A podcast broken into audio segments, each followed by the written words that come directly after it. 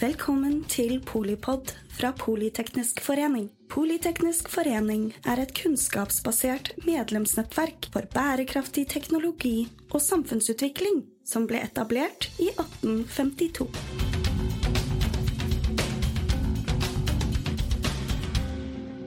Velkommen til Polipod samfunnsøkonomi. Temaet for dagens samtale er utbygging av mer landvind i Norge samfunnsøkonomisk lønnsomt. Jeg er Endre Kildahl Liversen, samfunnsøkonom og forsker ved SNF ved NHH i Bergen, og med meg som kovert er Gjermund Grimsby, fagansvarlig på klima i KLP. Så Gjermund, hvorfor må vi snakke om landvind?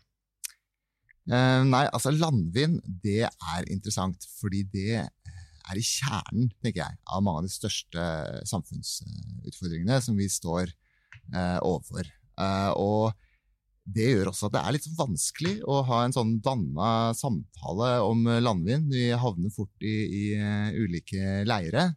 så det er derfor vi syns det er liksom kanskje stiller liksom det objektive spørsmålet er det samfunnsøkonomisk lønnsomt. Ikke er det for eller er det mot, men er det samfunnsøkonomisk lønnsomt. Og Eh, det som er i kjernen her, er jo at på den ene sida så er det representerer fornybar energi, som skal bidra til å løse klimautfordringene, og som kan bidra til det på kort sikt. Eh, på den andre siden så er det jo også i kjernen av sentrale samfunnsspørsmål knytta til både naturkrise, konflikten mellom by og land eh, og menneskerettigheter. Så her er det mange dimensjoner.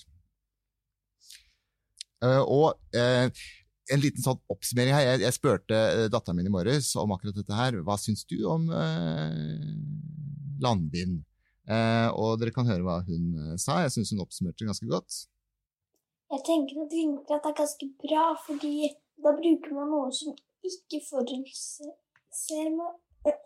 miljøet, som kull, olje og gass. Fordi Men det eneste som er litt dumt med vind, er at for å samle vindkraften, så må du jo ha noe der, som vindmøller eller noe fangere eller noe sånt. Og det er det ingen som vil ha, så da funker det ikke så veldig bra akkurat nå.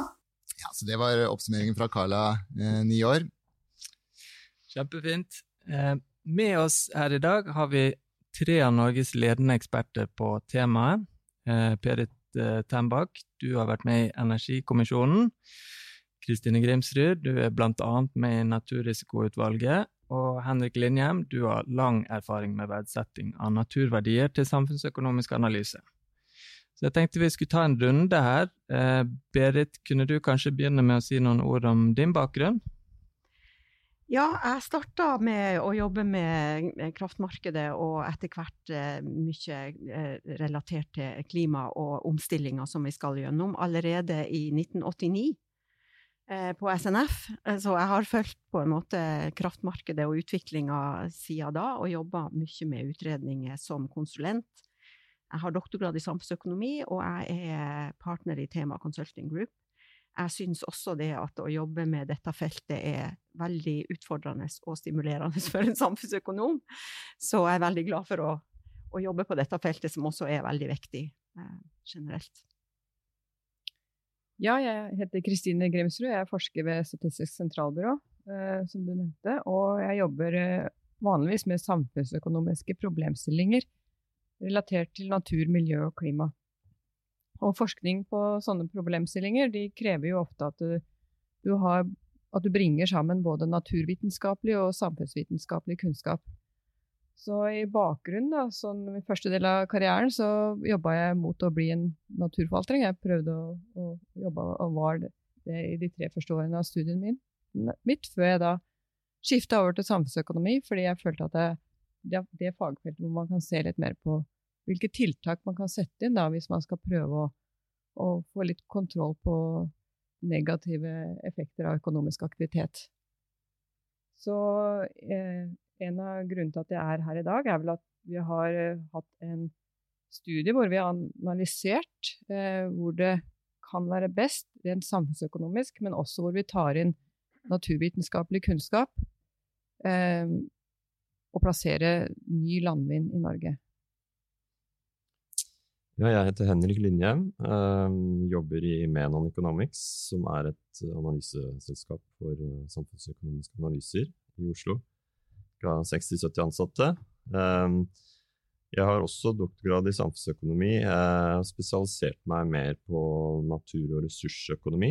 Eh, jobbet mye med eh, kvantifisering av eh, virkninger av ulike typer eh, prosjekter og programmer som påvirker natur, miljø, klima. De senere år mye med vindkraft og energi, sammen med bl.a. Kristine og andre partnere. Så min interesse her er, er å, å, å, få en helhetlig analyse av uh, energiutbygging, der vi også får tatt hensyn til uh, velferdsvirkninger av de effektene som ofte er litt vanskelig å kvantifisere, og som kan være grunnlag for konflikter. Det er bra. Eh, jeg tenker vi begynner litt sånn grunnleggende med diskusjonen og spørsmålene her. Så jeg begynner med deg, Berit. Eh, kan du forklare hva landvind er, og hvordan det skiller seg fra andre fornybare energiteknologier? Ja, sånn overordna så er det jo omforming av vindenergi til elektrisk energi. og det de andre fornybare kildene vi har, er jo basert på eh, altså vannkraft og, og solkraft. Eh, forskjellen på eh, vind, eh, landvind, eller vindkraft generelt, og eh, vannkraft er jo dette med, med lagring og fleksibilitet. Eh, og der er det likt med sol. Altså vindkraften produserer når vinden bløser, og solkraften produserer når sola skinner. Mens vannkraften med, med magasin har lagringskapasitet og kan produsere når vi har behov for det. Eh, og så er det jo sånn at landvind spesielt er jo en moden, relativt moden teknologi. Det gjelder også for sol og for vannkraft, men ikke så i samme grad for havvind. da. Um, og utbygginga av Unnskyld. Eh, vannkraft i Norge er jo begrensa hvor mye mer vi kan bygge ut. Det er ofte forbundet med enda større naturinngrep, for å si det sånn. Det er begrensa eh, kapasitet for å bygge mer energi fra vannkraften. Og solkraft gir også mindre, har mindre størrelse, mindre skala enn en, eh, vindkraft på land. Eh, ja og så er det jo spesielle fordeler med, med, landvind i Norge, eller vindkraft eh, og sånn variabel eh, kraftproduksjon i Norge, er jo at vi har vannkraften og fleksibiliteten og stor magasinkapasitet, som gjør at verdien av den energien vi klarer å produsere av vinden, blir høyere fordi at vi ikke må Altså, vi kan lagre på en måte vindkraften i magasinene, som man ikke kan i andre land i Europa. Eh, et siste poeng er at i forhold til solkraft, så er det det vi kaller for kannibaliseringseffekten er mindre med vindkraft. Sol, da får man ofte all produksjonen samtidig, sånn at man får et veldig stort overskudd samtidig. Mens vindkraften er mer eh, distribuert, og det er jo korrelasjon mellom vindkraften over et geografisk område, men ikke like sterk som for solkraft. Mm. Det høres jo vel og bra ut, men uh, det er gjerne noen ulemper ved denne teknologien også. Jeg lurer på, eh, Kristine, om du kunne ta oss gjennom uh, noen av de? Ja, så Vi har jo sett en del på hva som er ikke bare fordelene, men også ulempene med landvind. I alle fall sånn som det har historisk sett vært fram til nå eh, hvordan landvind har vært bygd nå, fram til nå. Vi ser jo fra de konsesjonssøknadene som har blitt, eh, som, hvor de har fått konsesjon, så kan vi jo se at eh, eh når det gjelder natur, så ser vi at for, hver, eh, for hvert vindkraftanlegg så ser vi at i gjennomsnitt så krever hver turbin 800 meter anleggsvei. Og den kan være opptil 10 meter eh, i bredde. Eh, og hver ny vindturbin krever i gjennomsnitt 900 meter med nye kraftledninger, som eh, vil påvirke natur. Eh, I gjennomsnitt så er også arealbeslag for hver turbin ca. 60 fotballbaner, selv om eh, kun 4% av dette arealet da er det noe som blir bygd ned eller endra på sånn eh, veldig drastisk måte, sånn sett, men det vil jo påvirke luftrommet for fugler og sånne ting. Og så er jo turbinene blitt veldig høye nå. De er jo oppe i mellom 180 og 250 meter høye. Og hvis du tenker på Oslo Plaza, så er jo Oslo Plaza 117 meter høy, og vi syns jo den ruver godt. Eh, så det blir veldig dominerende i landskapet. Um, så disse arealendringene det er jo en av de største årsakene til at vi står i en naturkrise, som uh, vi gjør nå i dag. Så, så, hvor vi plasserer vindkraften, har jo mye å si hvor, hvordan påvirkningen blir på naturen. Eh, også på den annen side så har vi også påvirkning på mennesker, da, som datteren din tok fint opp. Og det er jo klart at eh, det er ikke De fleste har ikke lyst til å bo rett inn på et vindkraftanlegg, fordi det kan både være støy, det kan se litt stygt ut. Og om vinteren så kan det jo dette isbiter av disse rotorbladene, så da er det ofte at man må stenger stenge av det anleggsområdet for at folk kan gå der, fordi det kan være rett og slett farlig å gå der. Um, og en helt uh, fersk masteroppgave fra en student uh, på Universitetet i Oslo nå, som vi har veiledet gjennom vårt prosjekt, viser jo også at det kan faktisk gå så langt at det påvirker boligprisen da, til de som eh, bor i nærheten av vindkraftanlegg. Så de kan få en redusert boligverdi av å bo der, hvis de da har tenkt å selge boligen sin, og så ser de at de kanskje ville få mindre for dem enn det de ville fått hvis det ikke var et vindkraftanlegg rett ved. Ja, hvis vi går ti år tilbake i tid eh, så var det vel så å si ingen vindkraft i eh, Norge. Og så, og så liksom venta det litt, og så var det bare en boom. Og så plutselig så, så, var alle disse konsesjonssøknadene som som hadde, de som hadde fått konsesjoner, plutselig bygd alle ut. Og i dag så er vi ca. 10% av, av strømproduksjonen i Norge den er fra landvind. Og, men i 2019 Eh, så sa man på nytt, eller 2020, så sa man vel bråstopp eh, i eh, konsesjonsutbyggingene. Og det var vel rett og slett fordi det ble så stor motstand mot landvind i Norge. Og Henrik, har denne, altså hva, hva, er denne motstanden? Har det noe med samfunnsøkonomien i landvind å gjøre? Ja, det er interessant spørsmål som uh, vi økonomer ofte får fra, fra andre. Uh, samfunnsøkonomisk analyse er jo et verktøy for å hjelpe å ta med alle kostnader og nyttekomponenter ved, ved, forskjellige offentlige prosjekter. og den konflikten som har vært, da, den motstanden som har vært mot landbasert vind, eh, er jo et signal om at det er noen som påvirkes av dette, som, uh, som da har noen slags velferdsvirkninger av negative virkninger av disse anleggene som, som, vi da kanskje ikke har vært gode nok til å ta hensyn til uh, i konsesjonsprosessen. Og det, jeg tror det var det uh, både det politiske miljøet og, og, også offentligheten innså da de satte et slags moratorium på landbasert vind i 2019. Fordi man ønsket å gå gjennom konsesjonsprosessene på nytt. Så, så da har jo dette gitt eh, si, motivasjon for oss samfunnsøkonomer da, og miljøøkonomer til å forsøke å si noe mer om hva eh, disse virkningene er, og hva slags betydning de har, hvis man skulle lage et samfunnsøkonomisk regnestykke som både får med seg de positive virkningene som Berit er inne på, eh, og der har man jo prisen på strøm. Eh, klart verdien av fleksibilitet og energisikkerhet og sånn er ikke så, alltid så lett kanskje å verdsette kroner, men klart mange av disse virkningene er, eh, er markedsvirkninger som man kan uh, verdsette i en samfunnsøkonomisk analyse, og en del av det Kristin og, og, jeg har jobbet mye med, og det er jo virkninger som det er vanskeligere å verdsette kroner. og Derfor så blir de jo i større grad ignorert i beslutningene, både i de private investeringsbeslutningene og i, i offentlige konsesjons- og virkemiddelapparat. Så så det er jo på den måten dette er samfunnsøkonomisk relevant, fordi vi vil jo si, og det tror jeg det er Berit med på, og det er andre samfunnsøkonomer med på, at, at, ideelt sett så skal vi jo prøve å få med alle de positive og negative virkningene, og prøve med en, å ha en mest mulig balansert analyse av fordeler og ulemper med, med, all type energiutbygging.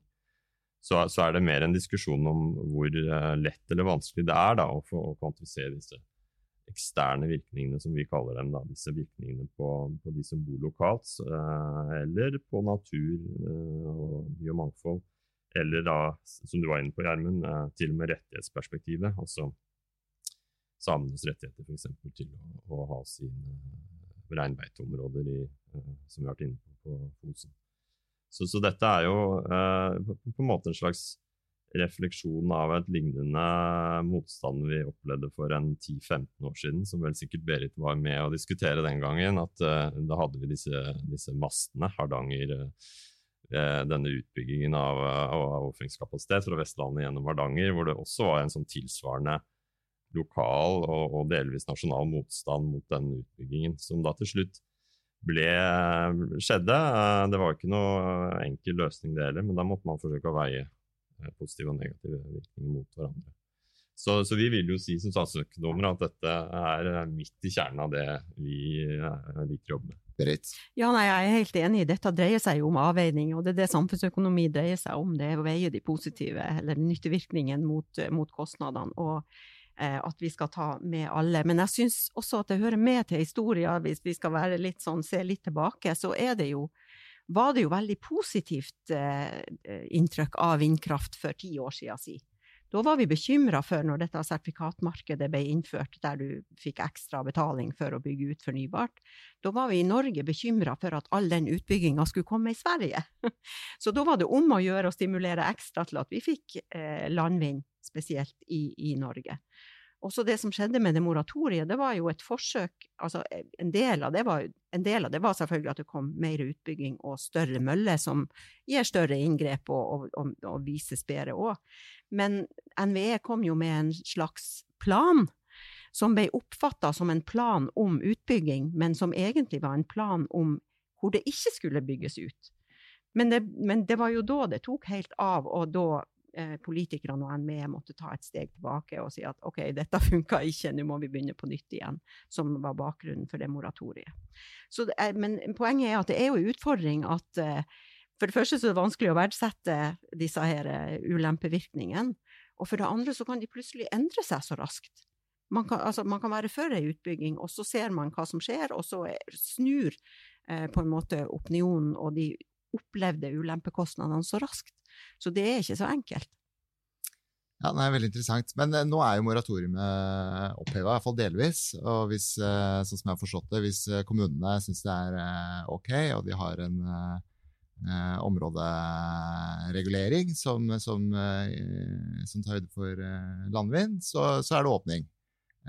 så hvis vi ser litt framover, Kristine, hvordan kan du driste deg utpå og si hvordan et samfunnsøkonomisk lønnsomt landvindprosjekt faktisk ser ut? Altså, Hva er det som kjennetegner det, altså, hvis noe sånt finnes? Det er et uh, veldig vanskelig spørsmål. For det, for det som uh, I og med at denne rammeplanen ble lagt i skuffen, da, så er det jo nå ofte utbyggere som selv velger ut de stedene der de tenker at det blåser mest. Og der er det bra å bygge vindkraft, for der tjener man mest. Men så når vi analyserte de søknadene som allerede lå inne, så, så tenkte vi ja, ja la, la, oss se liksom, hvor er det, hvor er det hvilke av de søknadene som nå ligger inne som, til vurdering, eller som har fått konsesjon, men som ennå ikke er bygd, hvor er det de, liksom, er det mest, hvilke av disse prosjektene er mest lønnsomme for samfunnet? Hvis vi ikke bryr oss om det som skjer med natur, eller skjer med, eller hvordan det påvirker mennesker. Og da så vi at det mesteparten havner jo i sør sørlige region i Norge, hvor det er eksportkabler, eh, hvor det er høye strømpriser. Eh, og så kan det framstå som at det er kanskje lurest, da. Men så kan man begynne å legge inn Ja, men hva hvis vi begynner å legge inn nabovirkninger på hus og boliger? Ja, da er det sånn at det bor jo veldig mye folk i sør i Norge. Og da begynner vindkraften å flytte seg litt eh, nordover, til regioner litt lenger nord.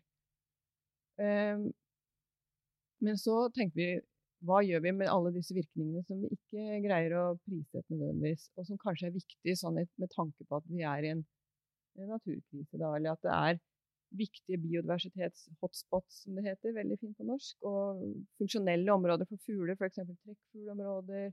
Det kan være viktige områder hvor det bor en spesiell insektart, eller altså Det høres veldig smått ut, men hvis, eller det kan være rett og slett sammenhengende villmark i Norge.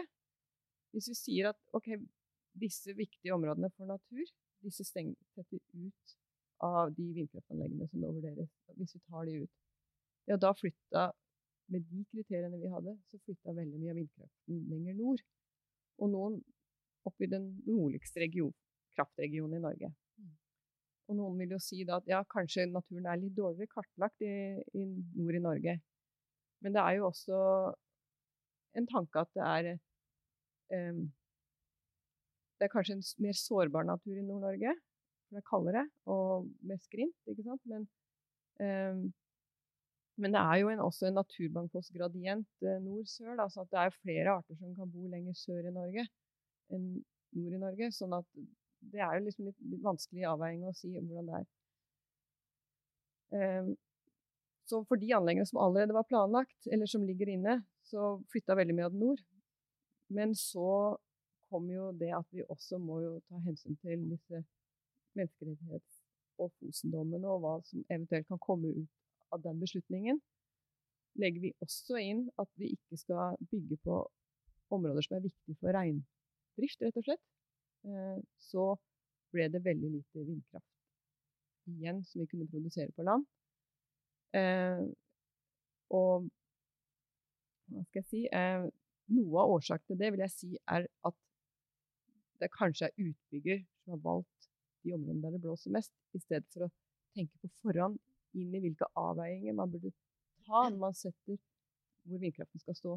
Kanskje burde man tenke litt at man kunne tåle litt lavere økonomisk lønnsomhet mot at den ikke bygde i villmarksområder eller der det var veldig høyt naturmangfold, eller rett inn på andres boliger. Og så se det på en mer slags en sammenheng når man velger hvilket areal man skal bygge vindkraft. Jeg tror da vil man kanskje få mer aksept for dette som den rammeplanen til NVE egentlig var et forsøk på. Ja. Og, og, det tenker jeg egentlig er Den hadde veldig mange gode sider ved seg, mm. fordi den var på en måte et forsøk fra myndighetenes side å, planlegge litt hvor utbyggere skulle plan, hvor de skulle legge vindkraften. Og når den ble borte, så ble plutselig alt lov igjen. Eh, men den store mangelen med den rammeplanen var jo at den ikke nødvendigvis hadde tatt inn så veldig grundig eh, velferdsvirkningen da, på befolkningen og der de bor i altså, boliger, turområder, alle rekreasjonsverdiene, det var ikke kanskje så godt kartlagt i rammeplanen. Hvis, hvis, det hadde kommet i tillegg, så tror jeg den kunne vært en veldig god rammeplan. Men nå I slutten av april så, så kom det en melding fra, fra Olje- og energidepartementet om at nå er eh, nå, nå, er, nå er eh, konsesjonsprosessen Eller nå må kommunene eh, Nå har de mer medbestemmelsesrett, for nå er det tatt inn i, i plan- og bygningsloven at eh, kommunen må ha det i sin eh, områderegulering. Er det veien å gå hvis man skal ha en, en nasjonale rammer? At det er kommunene, hver enkelt kommune som bestemmer om det skal være landvind i sin kommune, eller? Ja, det er vel egentlig eh, sånn at det betyr at kommunene kan bestemme at det ikke skal være landvind der, i hvert fall. De har på en måte fått, jeg vet ikke om det er helt vetorett, men, men større inn, inn, innvirkning på det. Og så er det jo et svar på at eh, På en måte så prøver man å flytte en del av de avveiningene ned på et mer lokalt nivå, ikke sant? Så, eh, så det, det, er jo et forsøk på å ta på alvor det det som innbyggerne som, eh, som påvirkes, eh, eh, utsettes for, eller hvordan de opplever det, da. Ja, så er det jo Jeg kunne kanskje legge til det altså at um, et problem med forvaltning av natur og miljø i Norge er ofte at goder som er av nasjonal betydning, er, er blitt forvaltet lokalt. Uh, og det skaper problemer, fordi de naturområdene man f.eks. ønsker å ta vare på på et nasjonalt nivå, er ikke noe en kommune kan forventes å ta hensyn til, for de eh, svarer til sine innbyggere. Så Derfor må man jo gi insentiver til eh, altså, eh, lokalt, hvis de lokalt skal ha medbestemmelsesrett, som jo er, er, kan argumenteres for, så, så, må man passe på at de insentivene de har, er linet opp med det som man ønsker som samfunn, samfunnsøkonomisk sett. Derfor eh, jeg vet ikke hvor mye vi skal komme inn på veien videre akkurat da, men nå, men eh, det har jo vært en diskusjon om avgiftssystem, altså naturavgift f.eks., som en annen type avgift, eh, der man kunne gi insentiver til mindre, altså til mindre intensiv arealbruk, hvor inntekten fra denne kunne tilfalle noe lokalt da, på kommunalt nivå, uten at det selvfølgelig skal være en måte å stimulere til Ikke kun stimulere for, til mm. utbygging som er vettløs, men at man da deler noen, noe av, altså kompenserer noe av byrden som man har lokalt med disse virkningene. Ja, eh, men Berit, eh, hvordan ser Energikommisjonen eh, for seg utbygging av landvind? Vi har jo pekt på, på landvind som eh, altså, Utgangspunktet for Energikommisjonen Ta ett steg tilbake der. Eh, bare påpeke det at disse ti prosentene som vi har eh, utbygd sånn cirka, landvind, utgjør faktisk mesteparten av det kraftoverskuddet vi har i dag. Vi har jo, et, vi har jo en, en god kraftbalanse i dag. Eh, og Energikommisjonens mandat fokuserer på det med å opprettholde en positiv kraftbalanse i normalår for at vi skal ha konkurransedyktige priser og eh, tilstrekkelig forsyningssikkerhet. Eh, og så ser vi samtidig en veldig sterk økning i forbruket, som er knytta til elektrifisering for å nå klimamål, og oppbygging av ny grønn industri, som vi også har mål om.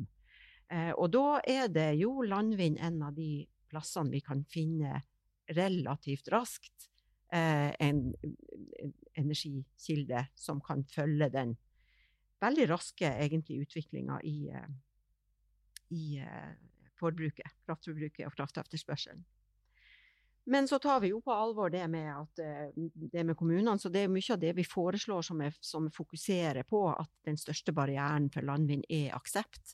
Og aksepten er jo ikke bare knytta til at man setter seg på bakben. Altså det er jo, som du sier, det er jo et uttrykk for reelle ulemper og ulempekostnader. Eh, så der har vi foreslått at det skal komme mer til vertskommunene, altså stimulere kommunene til å, eh, til å eh, gjøre mer av de avveiningene lokalt. da. At de får mer igjen av nytten, men også samtidig et større ansvar for tilrettelegging for vindkraft der det, der det er mulig. Og, men vi sier jo også at man må jo, altså konfliktnivået må tas på alvor. Demokratiske prosesser, urfolksrettigheter. Eh, alt det der må tas på alvor. Det vi peker på på nasjonalt nivå, er at man må styrke kapasiteten i saksbehandlinga. Altså der det er mulig å gjøre ting raskere ved å sette inn flere ressurser, uten at det går på bekostning av alle disse andre hensynene. Eh, ja, det er i hovedsak det vi, vi peker på. Bare et, altså det med konsesjon altså, og nasjonale interesser det er jo ikke sånn at man kan bestemme lokalt at her kan vi bygge ut så stor vindkraftanlegg som helst. Det skal til nasjonal konsesjonsbehandling på normalt vis også, så de nasjonale hensynene skal jo ikke forsvinne, de skal NVE ivareta i konsesjonsbehandlinga. Nei, det var eh, det jeg nevnte der, var jo egentlig litt mer generelt enn bare landbasert vind. Men eh, altså forvaltning av natur. Ja.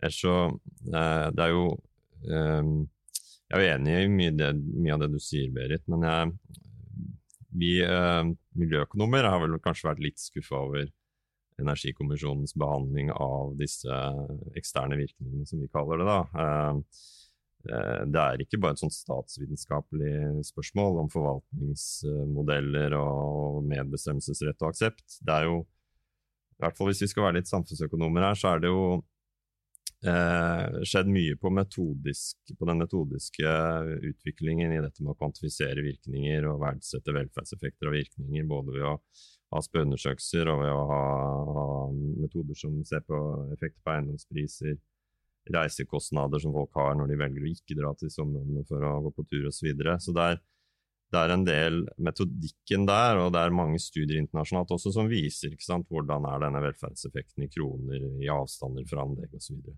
Dette har man ikke sett noe særlig på. Jeg har tenkt liksom på at det er bare det det handler om, er å få aksept for disse tingene, uten egentlig å kvantifisere eller forsøke å få en bedre forståelse av de virkningene. Og internalisere dem, som vi sier på samfunnsøkonomispråket, altså få det med i beslutningene. Um, og så vil jeg jo bare si Eh, til Berits tidligere kommentar, det er litt sånn, eh, kanskje litt nerdete, men vi samfunnsøkonomer legger jo folks preferanser til grunn. Altså vi, mm. vi eh, skal ikke overprøve hva folk selv eh, ønsker. Vi prøver å finne ut av hva folks ønsker er, og noen av de ønskene uttrykker folk gjennom markeder, og da får vi markedspriser som, vi, som styrer, kan styre beslutningene. En, der det ikke er markeder, så må vi prøve å finne ut av hva folk mener. Og det er jo ikke sånn helt riktig at folk liksom eh, snur fra dag til dag om de er for eller imot. Jeg tror at det, det som har skjedd, er at man var veldig opptatt av klimakrisen i starten, eh, og tenkte at nå må vi skynde oss å gjøre noe med den. Og så bygde man, litt sånn som du sa, da bygde man ut og var opptatt av, og det var viktig, å komme i gang med det og få fornybar kraft utover vannkraften vår. Men så oppdaget man at her er det jo en hel haug med virkninger og, og, effekter som man kanskje ikke har tenkt så godt på da man satte i gang. Eh, og det er jo reelle virkninger, og da er det jo ikke sånn at folk var liksom mot den ene dagen og får den andre omvendt. Eh, vi har jo forskning som viser at folk har ganske stabile preferanser når det gjelder sånne miljøgoder over tid.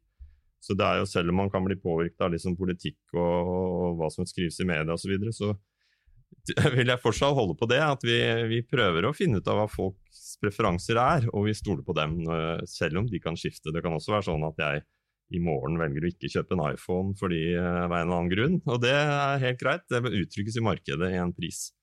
Um, så der uh, For å konkludere på det, da, så, så, håper vi jo at vi får en mer opplyst debatt om, uh, om velferdsvirkningene av en del av disse effektene. Og jeg sier ikke at man skal ikke sant, sette bremsen på all utbygging. Det er bare snakk om å få et best mulig beslutningsgrunnlag. Det er det som er poenget.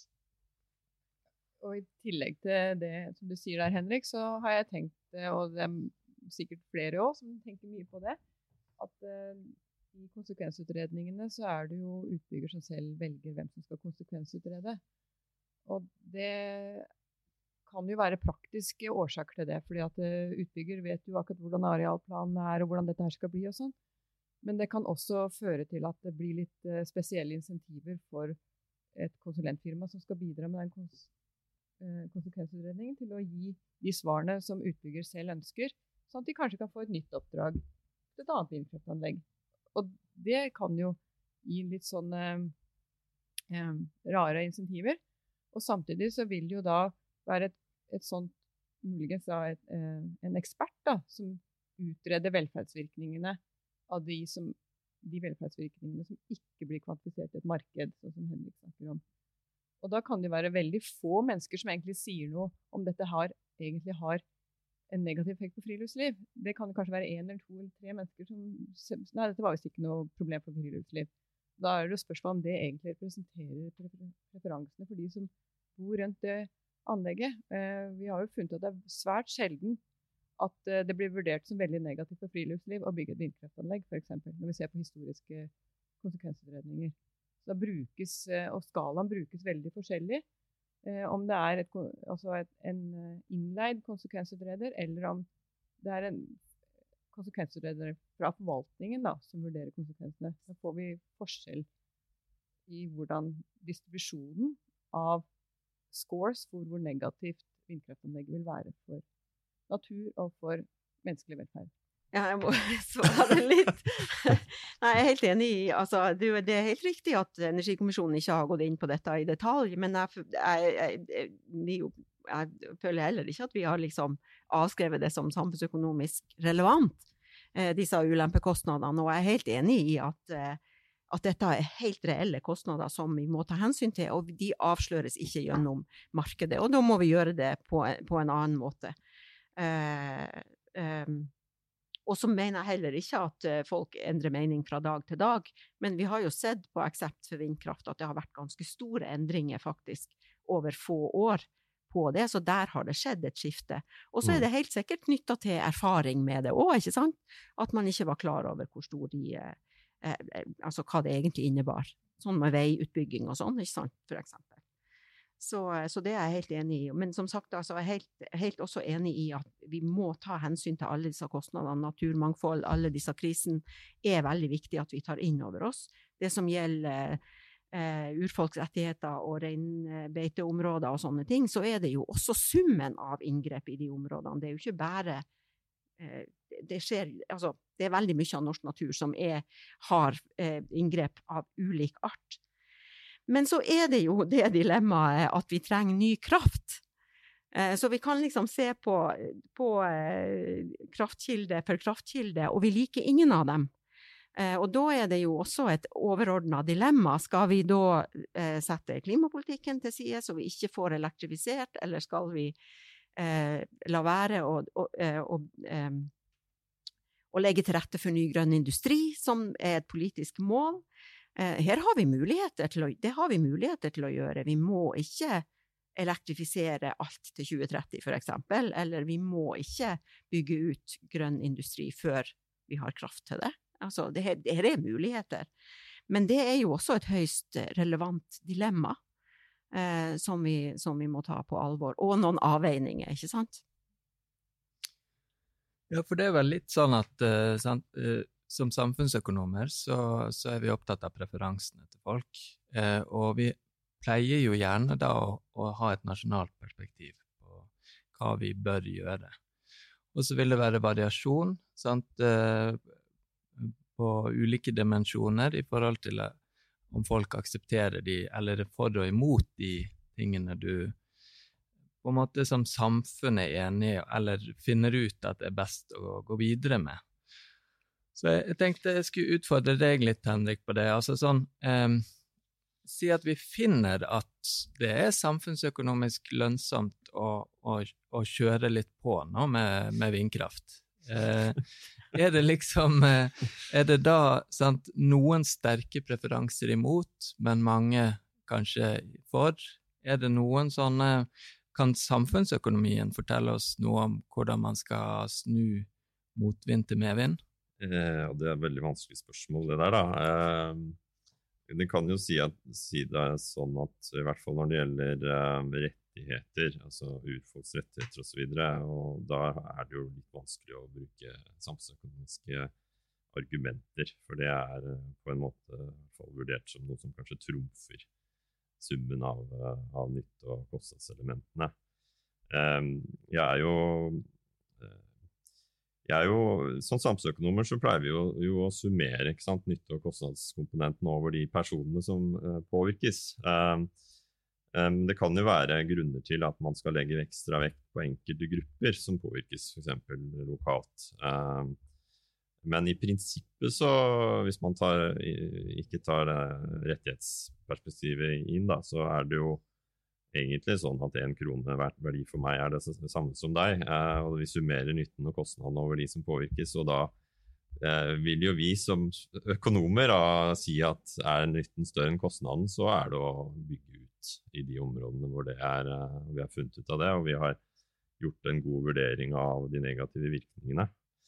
Um, ellers hvis vi skal se litt framover, så, så Vi har jo vært inne på det, og jeg er jo enig med Berit. Altså, det er jo ikke sånn at vi kan, eh, vi kan liksom stoppe alle altså, Vi må jo ha eh, vi må antagelig bygge ut en, noe kraft. Eh, det er nok selvfølgelig det er litt lite prat om energieffektivisering og den type tiltak, men det, det monner vel ikke. Um, men um, jeg tror jo også, som Kristine har vært inne på, altså at kanskje kan man se på områder som ikke nødvendigvis er bare optimale på vindpotensialet, men at man kan kanskje plassere anlegg som Ok, du får noe dårligere vindforhold, men du kan Kanskje er dette anlegget da heller synlig noen få kilometer enn milvis. ikke sant? Så Det er noen sånne ting man kan gjøre hvis man tar uh, en beslutning basert på flere kriterier med en gang. Mm. Uh, og så har det vært snakk om f.eks. nærvind. Går det an å bygge noen av disse anleggene? Altså, det er ingenting av dette som er enkelt. Altså Bygge det langs veier eller i områder hvor det er industri, uh, eller har vært industri. Um, områder som på en måte i gåsehudene er uh, tatt hull på, eller som liksom allerede har inngrep.